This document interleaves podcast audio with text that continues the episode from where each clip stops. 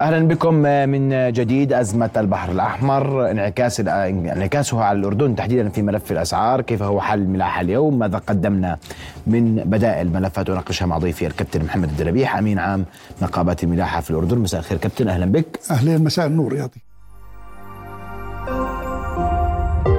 رؤيا بودكاست. وبدي أسمع بداية توصيفك لما يحدث في البحر الأحمر اليوم. أول شيء كلنا بنعرف إنه البحر الأحمر هي منطقة مهمة للتجارة العالمية. م. حيث إنه 6% تقريبا من التجارة العالمية بتمر من باب المندب. وإذا حكيناها بلغة الأرقام عندنا 21 ألف سفينة تمر سنويا من هذا المدخل. من باب المندب. من باب المندب يعني بمعدل 60 سفينة كل يوم. وهي السفن اللي بتمر من باب المندب. تنعكس على قناة السويس لأنها بتطلع من باب المندب تدخل في البحر الأحمر وبالنهاية تصل إلى قناة السويس فأي زيادة أو نقصان في عدد البواخر ينعكس إيجابا أو سلبا على قناة السويس نعم. هلأ إحنا بنحب وهو اللي أعطى هذا الباب أهمية كبرى إنه أول شيء الباب تقريبا باب المندب تقريبا عرضه 20 ميل وعمقه فوق ال 100 متر. فبالتالي أي سفينة مهما كانت في العالم بتمر من داخل هذا المضيق من غير أي إشكالات. فهذا أعطى هذا الزخم المهم. هذه أهمية هذا. أهميته. هلا المشاكل في باب المندب مش جديدة. م. المشاكل كانت زمان قديمة.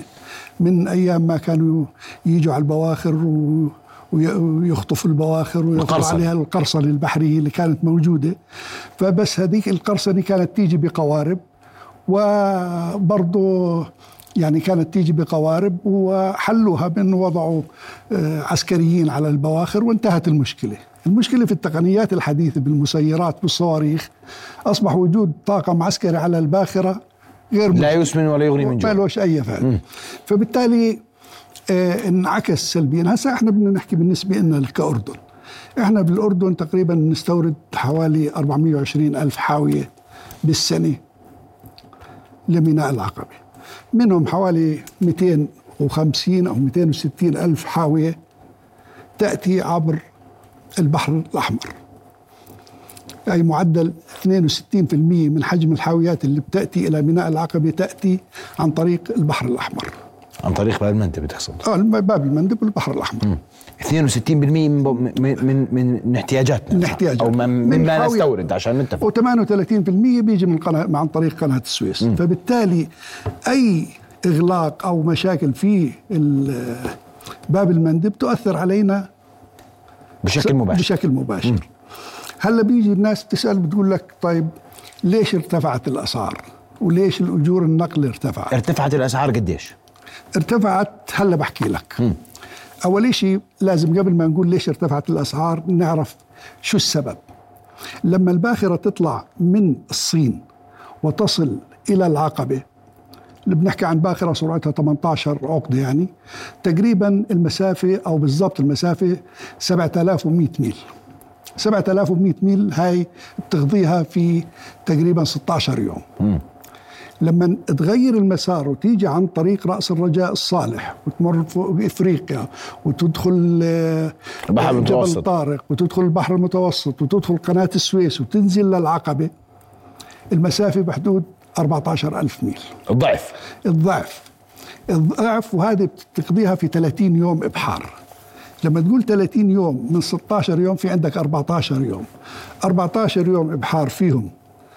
أجور باخرة ل 14 يوم فيهم أجور عمال ل 14 يوم فيهم بترول الباخرة تصرف حوالي 30 إلى 35 طن باليوم أحسبهم بهذه الأيام بالإضافة دخولها لقناة السويس وخروجها من قناة السويس حوالي كلف. 450 ألف دولار فكل باخرة بتغير مسارها التكلفة اللي بتيجي على هاي الباخرة تقريبا بحدود 3 2.5 ل 3 مليون دولار اضافيا.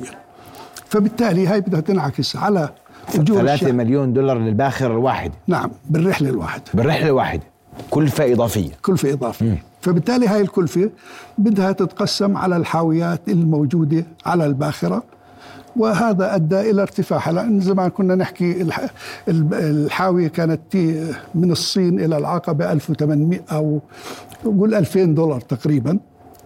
الحاوية. الحاوية. هلا بنحكي 6000 4 5500 6000 يعني وصلت 8000 ثل- من ثلاث إلى أربع أضعاف. نعم.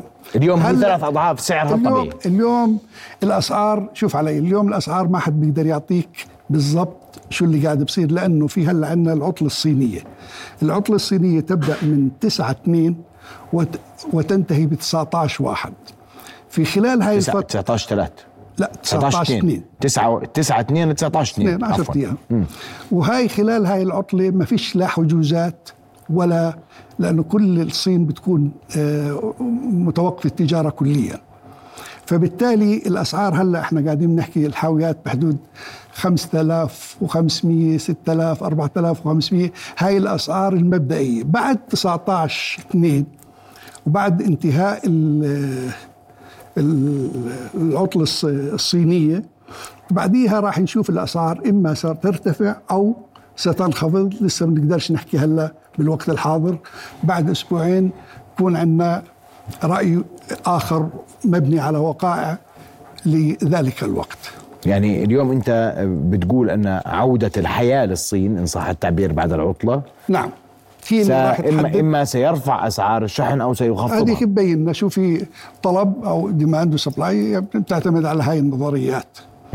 بس إنه نتيجة تغيير الخطوط هلأ الخطوط شوف اللي صار كالتالي.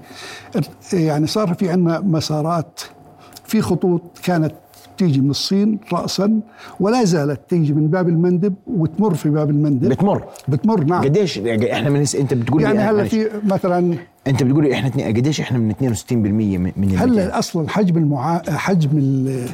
المناولة آه. في ميناء العقبة نازل 45% فبالتالي نصف حجم المناولة نازل 45% آه لأنه ما فيش بواخر لأنه ما في بواخر ما فيش آه، فبالتالي يعني هدول ال- ال- الحاويات يعني في خطوط مثل ما قلت لك بتيجي هلا من باب المندب وبتمر وبتمشي وبتمشي ولا زالت ولم تتوقف وإحنا هذا بنشوفه في الخريطة يعني موجود. في عندنا خريطة آه. يعني في- الخريطة اللي تظهر حركة البواخر موجود لا لا تظهر موجود. أن هناك لا لا كثيرا من موجودة البواخر. تمر من باب المندب. في بواخر ثاني في خطوط ثاني بتيجي حو- حول رأس الرجاء الصالح بكرة الصبح الساعة 8 أظن.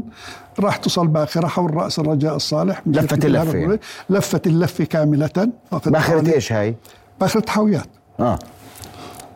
و... وفي خطوط ثانية كانت تج- بتجيب الحاويات وبتحطهم في جبل علي أو في ميناء خليفة. ومن ميناء خليفة في. بواخر صغيرة. بواخر أو صغيرة. الفيدر بنسميها أو بواخر التغذية. وبتنقل إلى ميناء العقبة. وفي برضه آه للمستعجلين لأنه كان عشان حلول شهر رمضان المبارك والهاي استعجلوا على بعض البضائع فنقلوها برا من جبل علي. لكن كل هذا يرتب كلفه إضافية.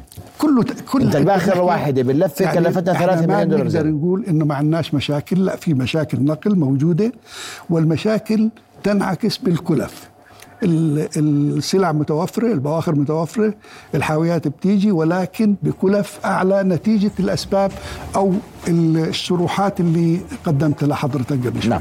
واضح جدا. بدي أشكرك كل الشكر كابتن محمد دربيح أمين عام نقابة الملاحه في الأردن. أشكرك كل الشكر لحضورك معنا ليلة. شرفتني بحضورك. شكرا. شكرا. تسلم. شكرا الله جزيلا. يخليك. رؤيا بودكاست.